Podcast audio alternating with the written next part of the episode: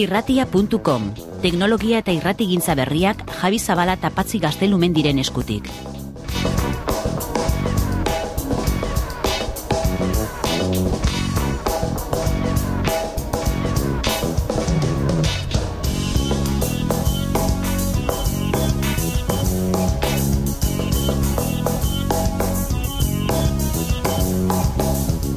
Arratzalde on.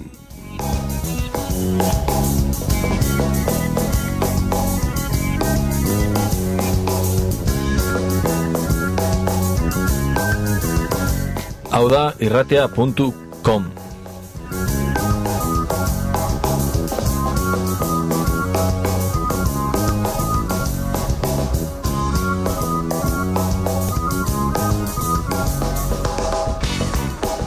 Zuzenean, astelenero eta diferituan aste osoan zehar eta beita beste hainbat euskal irratitan. Teknologia berriak, kultura digitala, internet, sarea, musika eta beste ustartzen dituen emankizuna.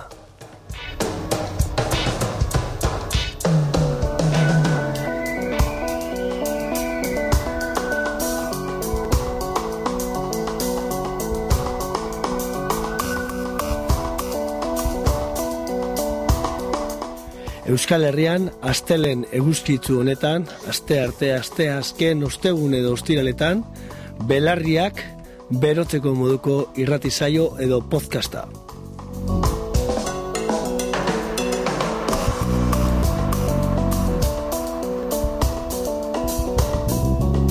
irratia.com Pentsatu lokalki, eragin globalki.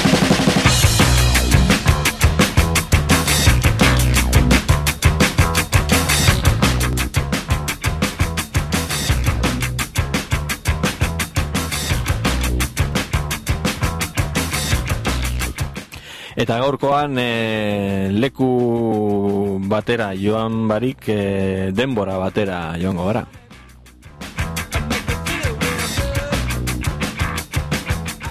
Eta gaurkoan eguraldia sarituko garagu, baina beraiek ez.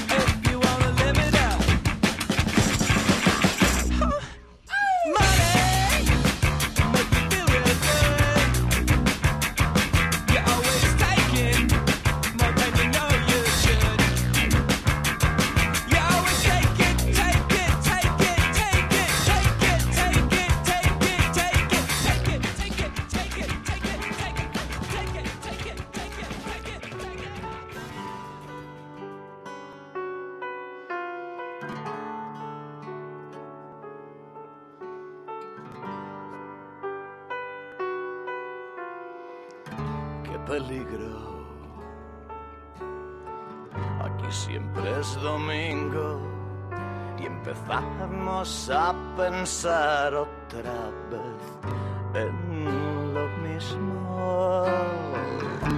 Es claro, este catecismo. Mi primita se dispone a hacer turismo.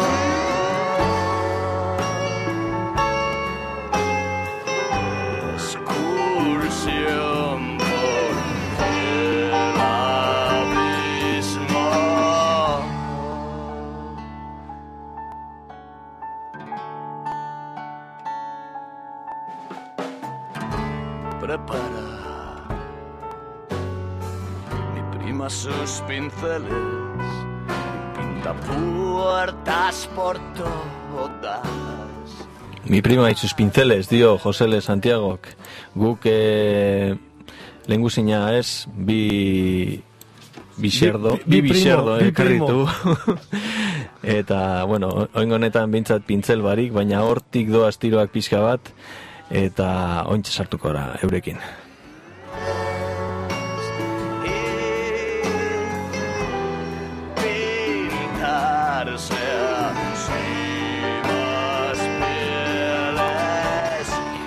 Etxepare porno liburua idatzi zuen laro eta mazortzean gure lagun Luistxo Fernandezek eta bertan e, liburu horretan e, zioen e, Euskaldunok e, sarean dugun pre presentzia eskasa anekdota bat baino ez zela ziberespazioan hala ere Fernandezek e, zioenez Euskaldunok inspirazio iturri gara interneten hain ugari diren zientzia fikzioaren saletuen artean.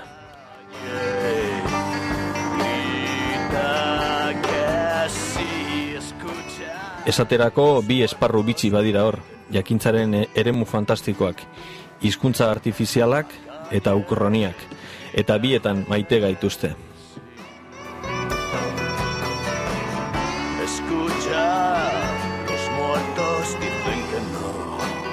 Hizkuntzalarientzat euskaldunak e, bueno, ba, aztergai edo pieza bitxi bat e, gara, berez gure hizkuntza ba, hizkuntza isolatua delako, eta gero euskaldunok e, herri bat e, izan, baina estaturik e, gabeko herria izanik, ba, ukro, ukronietan edo alegiazko denboretan e, ba, protagonismo handia izan dugu interneten e, dauden ik- ukronietan behintzat. E, Euskaldunak e, erakargarriak gara zentzu horretan behintzat e, irudia, irudimena e, martxan jartzen duten entzat.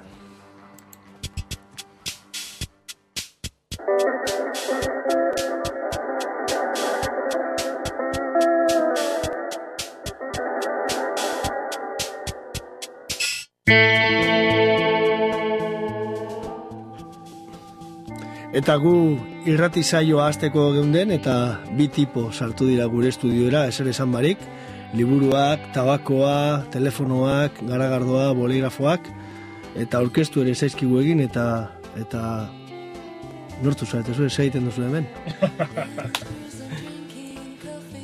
Ba, ni alain nahi.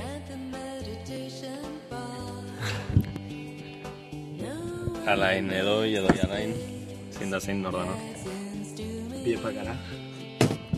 Edo behintzat biok bat egin dugu liburu batean behintzat. Eta zer garen bestakegu. Hori da. Liburu bat, zer da hori? Ba... Papera Zientzia Ez. fikzioa. alde batetik batzen deneko hori.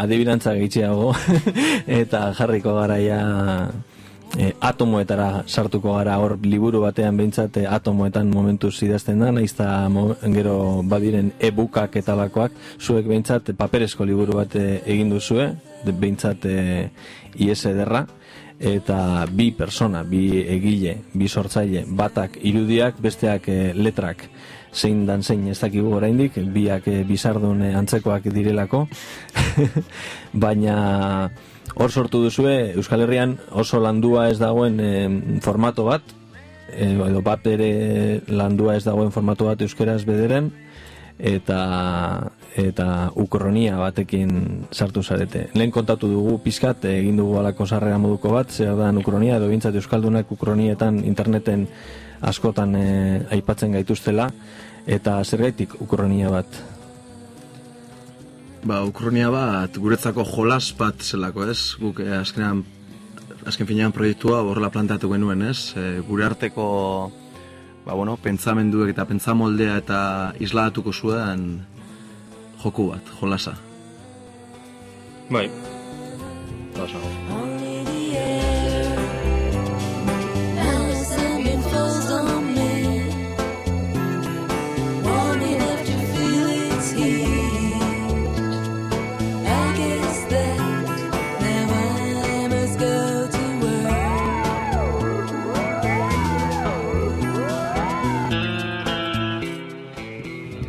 Bueno, IES ederra, IES ederra da liburua, alberdaniak e, ateratako liburua, eta, bueno, lehen e, gutxi gora bera iradoki egin dugu, baina alain urrutia eta edoi etxarte, edauzkagu gurekin, biak e, sortzaileak esan dugun moduan, eta gaia, e, aukeratu duzuen gaia, Euskal Herria ere bada, mm, bestelako Euskal Herri bat e, behintzat, ezta?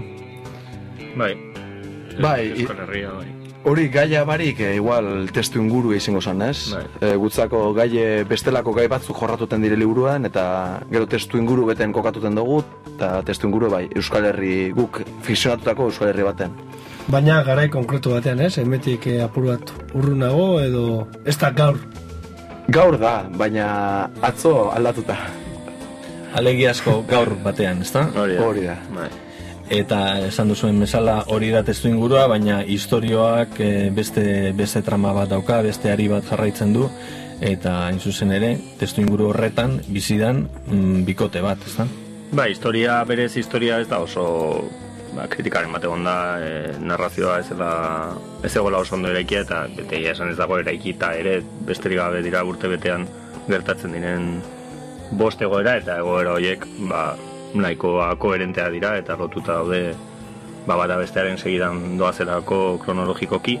Egia da jauzi asko daudela ba, ba berreun urte atzera, irurogeita mar urte atzera, e, orainaldi hori, orainaldi ezberdin edo paralelo hori azaltzeko.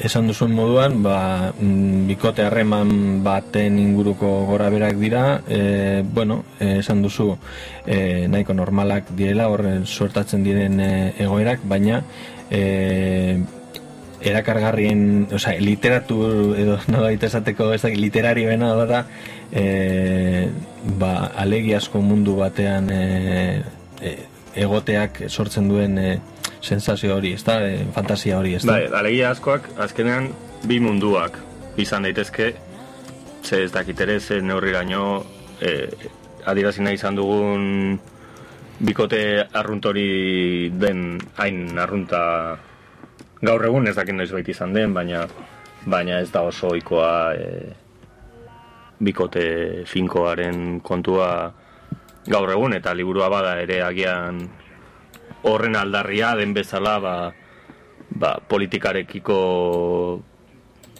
konbikzioa edo, edo fideltasuna edo egin batean duela urte batzutatik edo behintzat ala esaten zaigu edo ala sinestarazi nahi zaigu gehiago existituko ez den mundu mundu bat, ez? Ba, ba, bikotea egongo ez dena eta ideiak gaindituko direnak eta guk ez dugu ikusten e, errealitatea nahikoa ona denik ez baterako, ez besterako.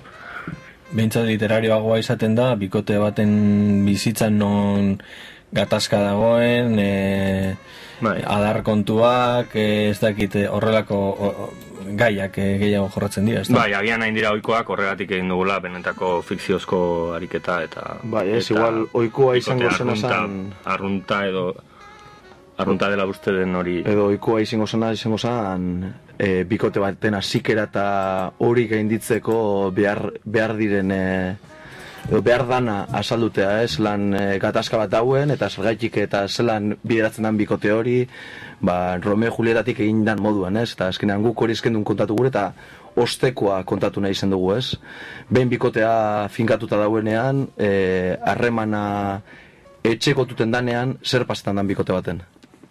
Eta hori kontatzeko, gai hori lantzeko, eh, novela grafikoa behar zenuten, ala bakoitzak bere aldetik egitea zeukan. Bueno, eh, azkenean, azken finean guk gure gendun esan, proiektu eta aman komuneko proiektu eta ez, eta, bueno, ba, edoiren esparrua hitza bada eta nire amarrazkie bada, ba, logikoen, logikoena bada, ez, itea, e, irudia eta hitza batuko dauen e, proiektua. Eta hasi ginenean e, e, modu baten edo bestean moldatzen proiektu hori e, irudi eleberri urten zan. Izan ziteken e, e, poesi ilustratua edo e, novela irudiekin edo bestelako zerbait ez animazio bat edo ez dakit bestelako zeu zer izan ziteken baina akauen irudi eleberri urten zan. Eta segaitik uste duzu, e, hain gutxi daudela hemen Euskal Herrian horrelakoak.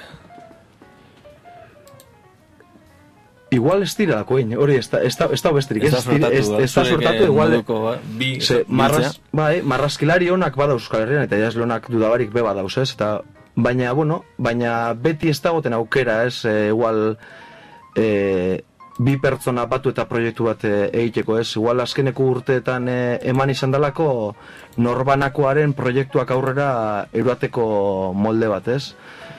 Eta gutzako hori gainditzea ere bas, basoen, ez? Itxea zeus erraman komunikoa zena, eta e, dudabarik e, norberan burutik apartera bideratzea lana modoten bestean. Eta zer du e, lan honek, IES ederra honek, edoirena eta zer du alainena, eta zer du biena. Errezago izango zen erantzutea zerresteko edoirena eta zerresteko alainena, ez? Zer, azken finean, zeu zerbadeko bizena da e, alkar ezagutza bat eta eta alkarrekin hartutako mila kafe. Orduen, bietatik asko dau, ba, claro, e, idazlea bera da, ez? Nez da ideiak e, alkarrekin pentsatu, e, letrak berak jartzen ditu, ez? Eta naiz da biek e, buruarekin pintatu izan dugun edo marrastu izan dugun, gero marrazk, marrazkiak nire atire, ez? Baina edoik sarretan buruarekin marrastu du ere, eta igual nik e, ere e, buruarekin e, idatzi izan dut, ez? Mhm.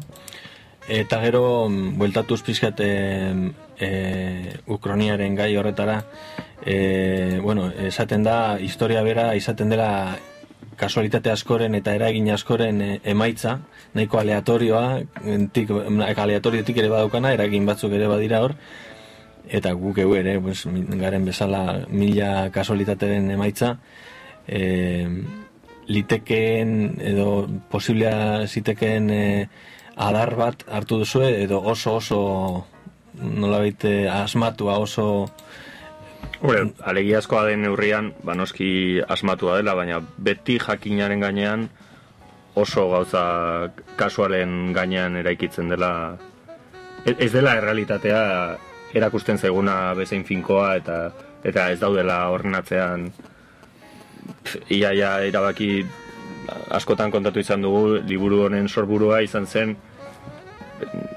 ni Berlinen egon nintzen urte bete Erasmus ikasten eta han hartu nuen arloetako bat izan zen katalana eta katalana hobetzeko, esan edo ja, ari gara ja kasualitate batzuk metatzen, kasualitateetako bat izan zen katalana ikastea eta izatea irakasle bat eta orduan katalana ikasteko eta belarria lantzeko ni e, ba, e, Katalunia radioko saio bat entzuten hasi nintzen igandeetan historiari buruzko saio bat eta saio hori ukronien ingurukoa zen. Eta orduan gaiak izaten ziren oso saio interesgarri izaten zen historia historiagilea gomidatzen zituzten, baina ez bakarrik antropologoak eta ordun egiten zutena zen ba, egoera bat planteatu. Zer gertatuko litzateke ez daki zer hala izan ez balitz. Literaturan askotan eginda. Baina horre zuten e, literari, literatuek egiten baizik eta zientzilariek edo ez. Eta askotan izugarria zen. Osea, muga batek e, muga bat alda daiteke mila kilometrotan e, demagun erdiaroan e, bati e, basoa bukatzea zaizkiolako.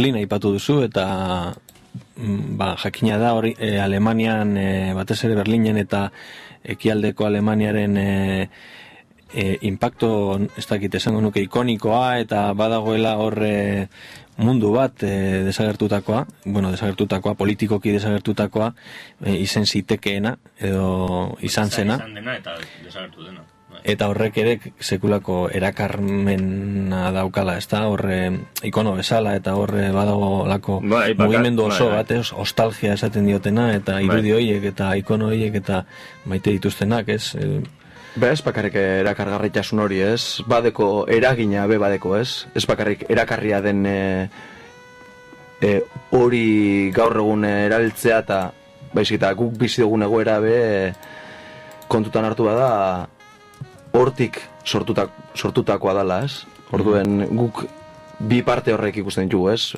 E, erakarria, erakargarria dela gutzako, baina gurean ere eragina izan duela, ez? Eta igual guk, pen, guk dekogun pentsa moldean ere e, e, modu baten ebestean eragin handia izan dugu.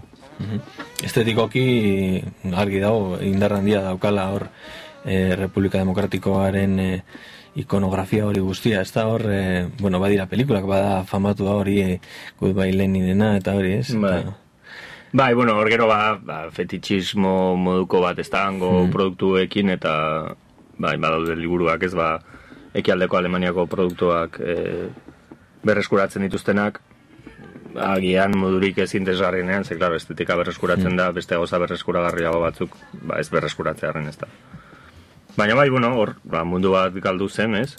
E, jende askorentzat, eta mundu bat galtzeak esan nahi duen guztiarekin, ba, ezkuntza ulertzeko modu bat, e, ezkidetza ulertzeko modu bat, e, ekonomia, e, estresa, sexualidadea ulertzeko beste modu bat, galtzen da horlako herrialde bat, beste herrialde batek naiz eta izen antzekoko batek e, irensten duenean, ba, ba gerta daiteken bezala, ba, ba, hemen e, duela irurogeita hamar urte, ba, ba mundu bat desagertu zen bezala, eta eta, bueno, ba, kasu hartan ez zituzten e, milaka irakasle garbitu hemengo gerra zibilan gertatu zen bezala, baina, baina, bueno,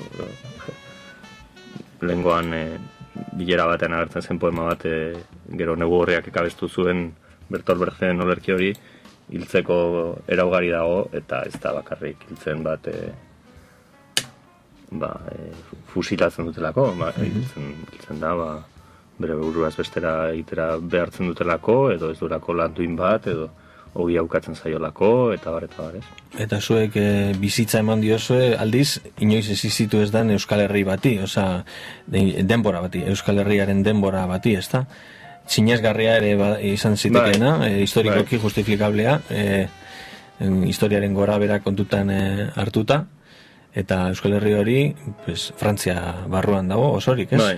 Bai, bueno, e, alainek aipatu duen joko horren barnean, beti ere injustizia zentzu batetikan abiatuta oso kontu, bueno, ba, alain eta bioi kultura interesatzen zaigu, baina beste hainbat gauza ere, eta estafa moduko ba, senti dezake edo norkez. Orain adibidez, Europan aipatzen ari da, e, ba, orain arte edo bi blokeak existitu diren bitartean existitu den e, segurantza soziala desmontatzen hasten direla. Noski, Alemania bezalako herrialde bat sortzitik desmontatzen hasten baldin bada, ba, gauza bada, baina ba, Espainia bitik desmontatzen hasten baldin bada, eta eta horrek baditu, badauka bere jatorria historian, eta eta ikusteko dik du, ba, duela hogeita hamar urte gertatzen den ba, beste injustizia baten jarraipenarekin, eta bar, eta bar, orduan, Adibidez, oraintxe bertan hitz egiten ari da, ber, e, Europa berriro desmontatzeaz, e, Ipar eta Europa arteko bi martxa, bi euro mot- moneta ezberdin, bi bueno, zatiketa bat. Hmm. Zue- Ba, Suediako presidenteak atzo esan zuen, ez da, berak ez duela pagatuko Greziakoa eta Bai. horrelakoak. Bueno, bai, azken finean ez, e, modu irreal baten edo edo asmakikus, asmakizuna izendan neurrian e, bizi dugun Europa hori desmontatzeak ez dau minik eragiten ez. Ez dau historiarik. Hamar urteko zerbait e, desegiteak ez dau, ez dau kalterik ekarten ez. Askontzako izango da kaltea, asko kontra nealtzeko dire, beste, beste asko alde, baina horrek ez dau desmontetan e, mila urteko kontu bat ez. Zerbait berria da eta zerbait oso politikoa e, dela esan daiteke ez. Orduen, o- olango batek desmontatzeak ez dut pentsetan e, minik eragiten dauenik.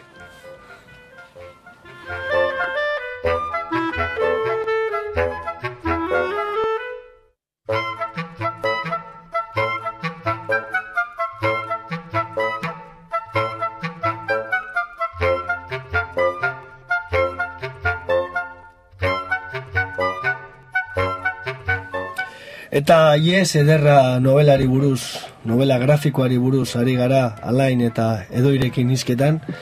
Eta ies ederra hartu, paperezko bertzioan, eta konturatzen gara, bi horririk behin, behintzat, lotura bat edo beste badagoela, interneteko erreferentziak ugariak direla. Nolabait, pantalla baten ordua, ondoan eh, irakurri beharrekoa dela eh, liburu edo lan hau. Ze garrantzia izan du prozesu honetan eh, zuentzate internet berak? Irakurri behar da, sortu ere, mm, maila handi batean, ala sortu dugulako, elkarrekin fizikoki batzeaz gainera, ba, gauza asko izan direlako, ba, e, nik alaini begira, e, txapa usartu behar diozu personaiari eta argazkia bidali edo edo edozein konturi buruzko informazio gehiena e, eta behintzat e, liburu, liburuan azaltzen dena hor dagolako. Eta orduan, ariketa hori, ba, kontrako norabidean ere irakurleak egin dezala sarera joaz, liburuetara, diskoetara, eta Ba, bueno, baina ez da beharrezkoa, ez, e, liburuaren irakurketa egiteko, ez, nik, e, eta, bueno, nik klaru dekot, eta edoike nik dakitela ebe klaru deko, ez, liburua horreparik ere irakurra itekela, ez. Eta arege hau, jakinda, interneteko mundu hori oso harina dela, ez. E, igual gaur e, web orrialde bat existiuten da, guk liburuan iminten dugu, eta mendik hilabetera web hori ez da existiuten. Orden, hori kontutan hartuta, badakigu, amenik eta hiru hilera, liburua berak be badakola beste irakurketa batez, igual e, link erdiak edo estek erdiek ez direlako existidu behiten, ez? Eta beste modu baten irakurleari e, liburuan azaltzen diren gauza asko erresteko edo horre, horretara bideratzeko modua zan, ez? E, irakurketa bera erresteko. Begoala aipatuten dalako musika talde bat, eta, bueno, ba, hartu bidea, eta bera bakarrik inbari bidea, guk bideratuten dugu e, irakurlea e, talde hori esetutera, ez?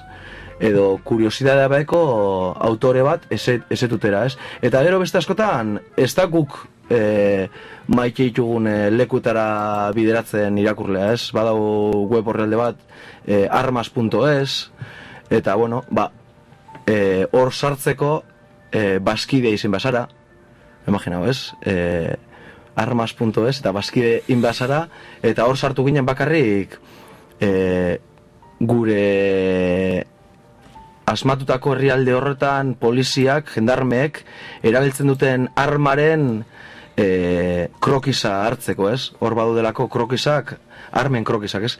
Eta orduen, divertigarria ere basan gutzako, ez? Igual maite ez ditugun gauzak ere hor sartzea, ez? Edo galduko direla dakiguzan gauza asko ere badaude hor. Orduen, jalosaren beste parte bat zan. Eta horregatik behar bada, sortu duzue hilabete barru desagertu daiteken blog bat? Bai, eta hasiera batean pentsatu genuen e, liburua merkatuan egotean bertan desagertzea, baina gero konturatu ginen ba, e, gure komunikazio aurrekontu bajuko komunikazio gerrilarentzat ba, ezinbestekoa zela zara eta pixka bat ateratzeko ba, sarea ezinbestekoa zela ez, ez ditugulako ez dugulako beste, beste biderik.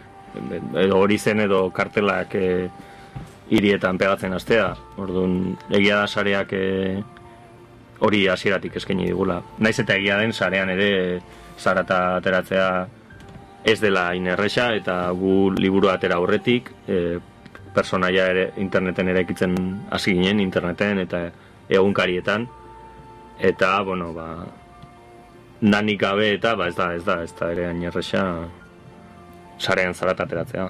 Joan Esa Paolaza bloga sortu duzue, esan kundua, Bai. pertsonaia dela Joan Esa Paolaza, ze motatako esperientzia izan da zuentzat liburuaz aparte interneteko hau? Bueno, momentu batean, disiplina jakin batekin liburua sortzen zijoan bitartean ba, erregularki e, artikuluak igotzea, ia denak, orain ja nahiko atzean gelditu da hori guztia, baina hasierako gehienak ziren komikien inguruko komentarioak, baten bat e, nazioarteko politika. bueno, politikaren ingurukoa, liburuarekin lotura zuten gaiak ziren oroar, eta bereziki komikiak, bueno, argazki gintzaren inguruko libururen bat zegoen, baina hori zen gaia. Noski, egia da, bueno, hor bada, bada oso blogona, e, Igor, e, Igorren bloga komikiari buruz euskaraz, ez da. Baina horreta salu ba, sarean ez dago gehiagi, orduan e, gure irakurleak ba, ez dire inoiz e, asko izan. Eta gainera ez zaigu oso erresa izan e, personaia bat sortzea gure antza zeukana, jendeak gu geu ginela ez dakit sumatu gabe ez, eta bueno, hor, hor sortuetan dik bizpairu hilabetera ja hasi ziren galderak, aizu, hau ez da, ez arazu izango, ez da?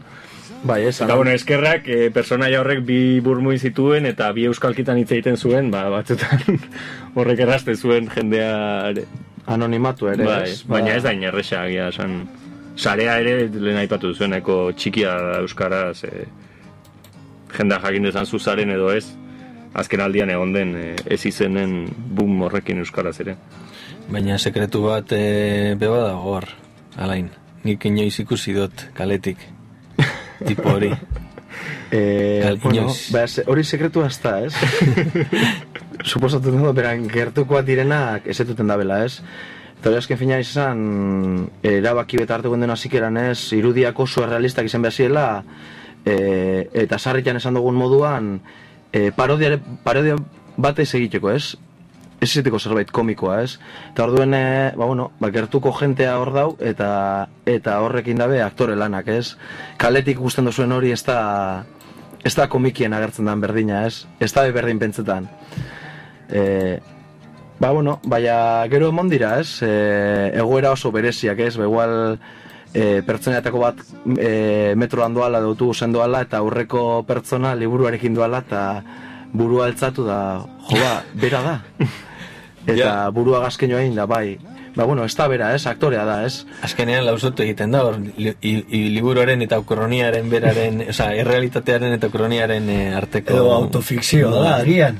Urteko galdera. Bai. Hori da, hori da, ez? Hori da beste galdeateko bat, ez? Baina, bueno, esaten duzun hori errealitatearen eta eta liburuan ematen den errealitatearen arteko nasketa hori beti izen dugu kontutan, ez? Azken finean, Joan Esau Palasak e, kioskoetan erosten diren egunkarietan erosi alda, e, idazten zauen, ez? Ba, bai, lehi jornalen, berrian, garan, eta gutunak bialtzen zituen, ez? Eta orduen gaur Gero eguneko... batetik aurrera ja ez izkioten argitaratzen, baina hori Ba, bueno, baina zikera baten eta argitaratu izen, izen jako Joan Zapalasari e, egun, egunkarietara bialdutako gutunak, ez? Eta bai, ba, bueno, ba, berak argitaratzen zituen gutunak e, gaur eguneko errealitateagaz lotura daukaten arren e, liburuan agertzen den errealitate horrekin be gauza asko aman komunan e, dauki ez, ez? Azkenean etzen gara puntu batera, ez dakigula ondo zer dan e, fikzioa eta zer dan e, realitatea. Ez da, hori da zeuek e, nahi zenutena, ez da, pizkate zeuen burua, jentea, denok despistatzea, ez da? Bai, azken finean denok gabiltzalako horneko despistatuta e, errealitatearekin berarekin despistatuta esan nahi dute ez, ez inongo mespresuarekin, baina mm, horitzen ez ni gazteiza ikastera etor joan nintzen iruñetik eta lako batean norbaitek esan zidan ez klaro, baina horrela gertatzen da hau Euskal Herrian eta iruñetik iritsita ba, oso anedota raroa izan zen bat batean enteratu nintzen iruña ez zela Euskal Herria, ezta? Eta horrelako anedotez josita... Burronia bat. Bai, horrelako anedotez josita, klaro, iristen zara Euskal Herriko Unibertsitatea itzen den leku batera, eta eaen bakarri dago, orduan, bueno, ana ekologikoa da horrela pentsatzea. Baina irudipena azkenean e- ez, ez iru milioi ukronia daudela Euskal Herrian, baina bueno, ba, bai daudela iru lau, hor, edo bizpa iru. Edo gehiago. Eh, bai, edo gehiago, baina bueno, ez, ez direla... Eta bakoitza bere ukronian bizi da, oso baino gehiago. bakoitza bere, Bai, eta gero bai. bera mundua sortzen dago, ez? Da hori da e, sarriken e, e, gure artean komentetako zerbait, ez? E, arabeak hemen bizi dira, eta araben artean arabera ziten dabe, e, eta ez, da, ez, dauk, ez dauki e, Euskal Herriaren pertzepzinorik egia esan, ez? Eureri hemen bizitea edo Madrilen bizitea edo edo beste hainbaten bizitea eurentzako bardine izango zen, ez? Edo Barcelona basoaz eta kuarria euskaldun batekin juntetan basara e, mugaz kanpoko euskal herri bat izango zen hori, ez? Bakotza, beren errealitatea sortu aldau, beran inguruneko hori moldatuta. Orduan, ukroni desberdina sortzen dire maila desberdin baten. Bueno, bintzat eh, aman komuniko gauza bada eta internet dagoela eta izan ziteken internet gabeko Euskal Herri bat. Ez dakit eh, gure lagun gorkak zer egingo luken horrelako egoera baten, edo guk zer egingo genuen horrelako egoera batean, baina zorionez edo zoritxarrez daukagun sarea daukagu, agian izango genuen sare irekiago bat, itxiago bat, e, militarra, erabat e, askea, euskalo. Ukronia, Ukronia bat planteatzen ari gara, ez dakit, eh? Eta, urrengo lanik egongo da? Euri alainek erantzun dezala. Eh, ba, bueno, ba, bakotza beral, bera, be- beran lanak ingo dauz, baina, ba, bueno, baina proiektua badude buruan, ez? Badak, ba- badeko guzu zer buruan. E, ez dakiguna esaten oniokarren da beste irudile berri bat izango ez? Ba, igual jente asko es, es, es, esan dozku, ez? Zer, bigarrena nosko. Ba, bigarrena, bai, baina, baina ez, espero lehenengokoan moduko, ez? Ez dugulako gure bigarren bat e, asmatutako edo guk eraikitako formatu honekin, ez internet, bestea. Azkenean, beste bulta bat emongo beste iten bada. Airean dau, ez dakigu niñoko, e, ideia padeko guz, e, eskuartean be zerbait e, darabilgu, bai ez dakigu niñoko zizingo dan. Simple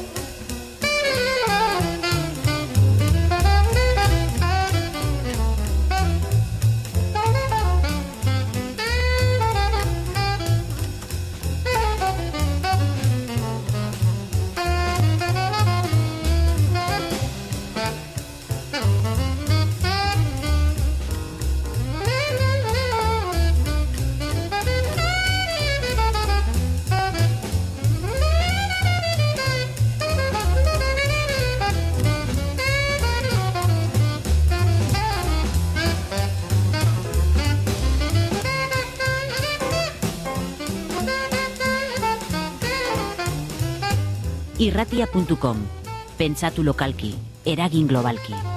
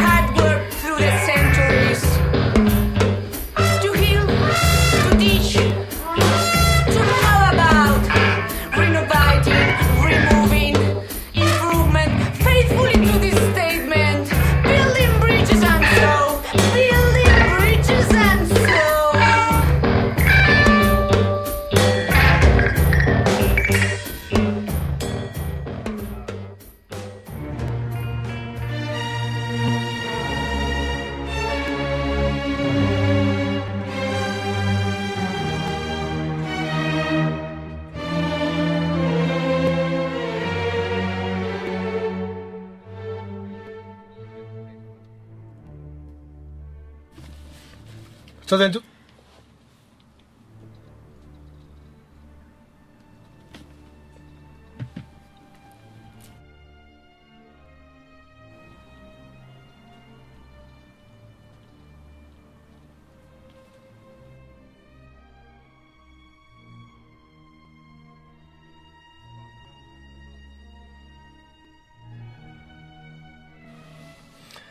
Eta edoi une batez kabinatik atera eta estudioan edo kontrolaren mailan sartu da eta kantu bat hautatu digu.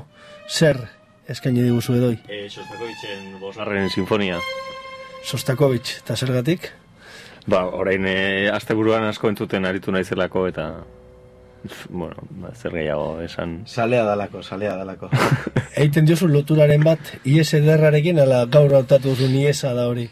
Bai, gaur hartatu da ni esa da, bai, ez du loturarik egingo, hau da, batzutan ematen diren babesak bezala, ez dakigu babesak ziprizten du ezake ertatasuna ematen diozun hori. Ba, Ez, ez dute esango loturarik dagoenik bestela agian. Sostakovitz debalua, debaluatuko dugu.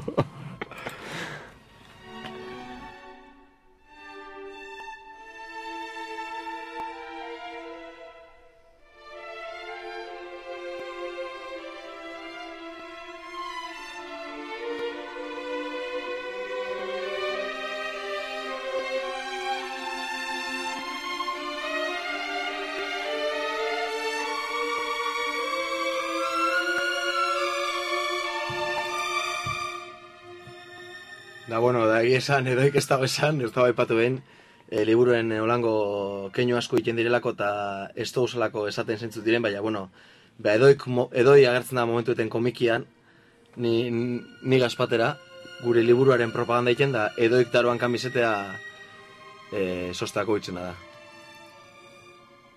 Eta naiz eta jende askok eh, editoreak barne beste norbait zela pentsatu, ba, Ba, bera da. da bera da.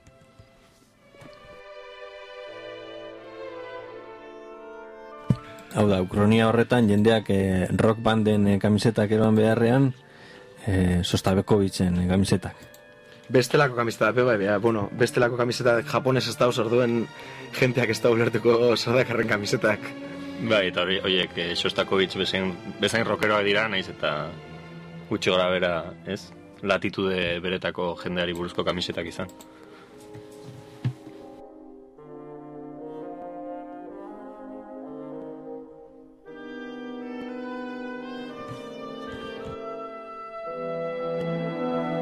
Beraz, novela autobiografikoa da, ezta?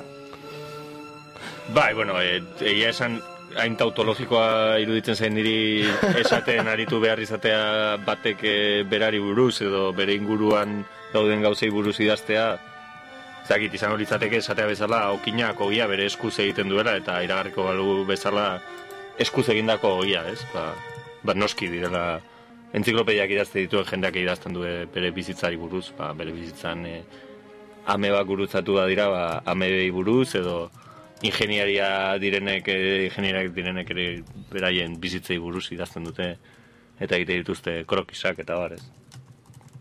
Bai, azken finean ez, e, e, liburua eraikitzeko prozesuan gure burutik e, pasatutako ideiak islatzen dira liburuan, ez? E, beste, mm, beste kasu beten izango zan, e, ba, ez dakit, e, poperoren bat e, entzun izana liburua egiten gauzela, ba, poperoaren kamiseta aukiko zauen, edo, ba, bueno, horre dire liburuan agertzen direnak, ez, gure, gure bizitzan emon direnak e, sor, sormen, edo sortze prozesu horretan, ez?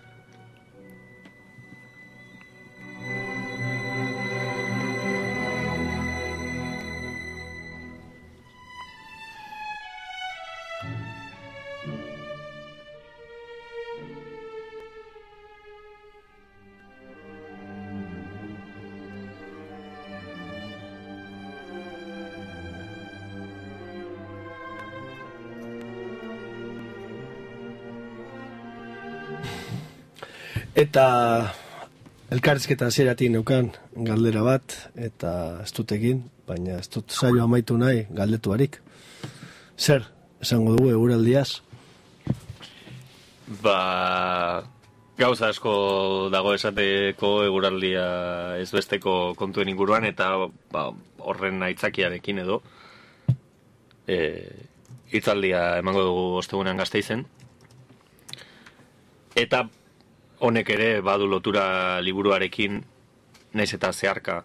Guk liburua sortu genuenean, eskuartean izan genuen liburu bat, eragin desentea izan zuena, eta liburua ditzen da mm, gerrilla komunikazioarentzako eskuliburua, Alemanian egina, guk eh, gazteleraz lortu dugu, virus argitaletxeak argitaratua, eta bertan ja formatuan e, garbi gelditzen dira hiru lau maila orrialdean, eta orduan orrialdeanen zati batean agertzen da alde teorikoa, beste batean aipatzen dira ba, komunikazio gerrilek erabilitako e, tresnak edo, eta beste eremu batean anekdotak edo egindako ekintza ezberdinak.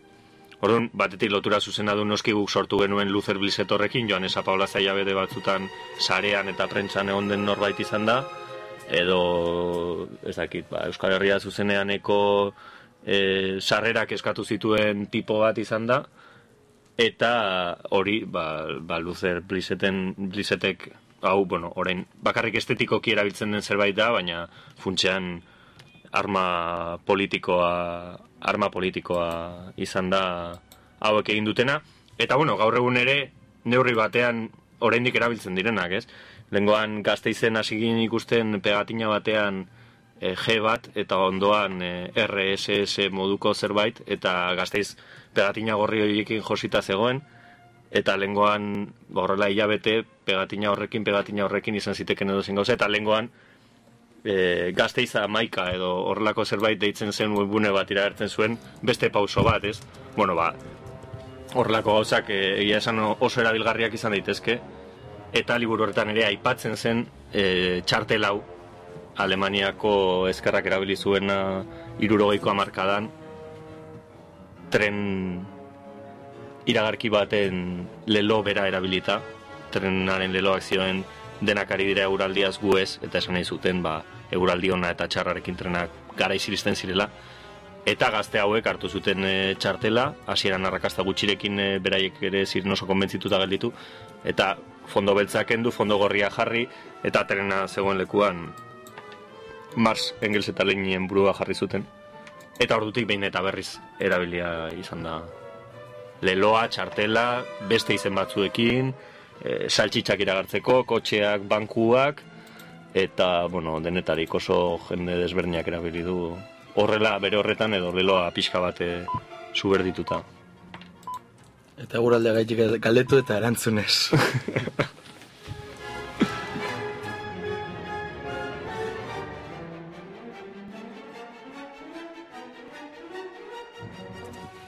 Hor non baitzarean ere badira URSS eta Sovietak.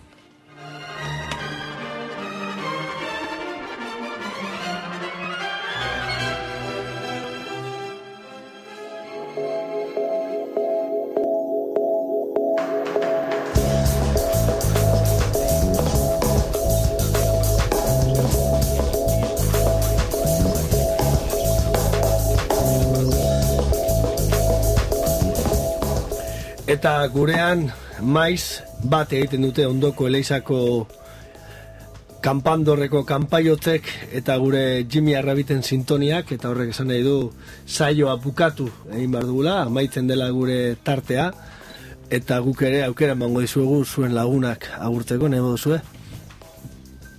Ba, ondo segi. Zain du. Utzi. Lagunok, hau izan da irratea.com ies eder batean eh, bildua, podcast bat eh, arteaz, eh, literaturaz, komiki edo novela grafikoaz eta beste hainbat kontutaz, salbuta egunkariaz edo eguraldiaz.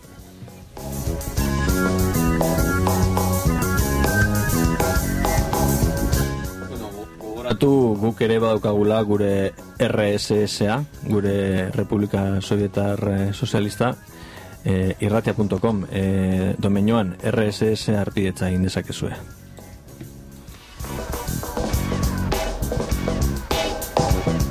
Eta euskaraz produktu gutxi egongo dira doaini direnak, arpidetza doakoa eta gurea bintzat alanda.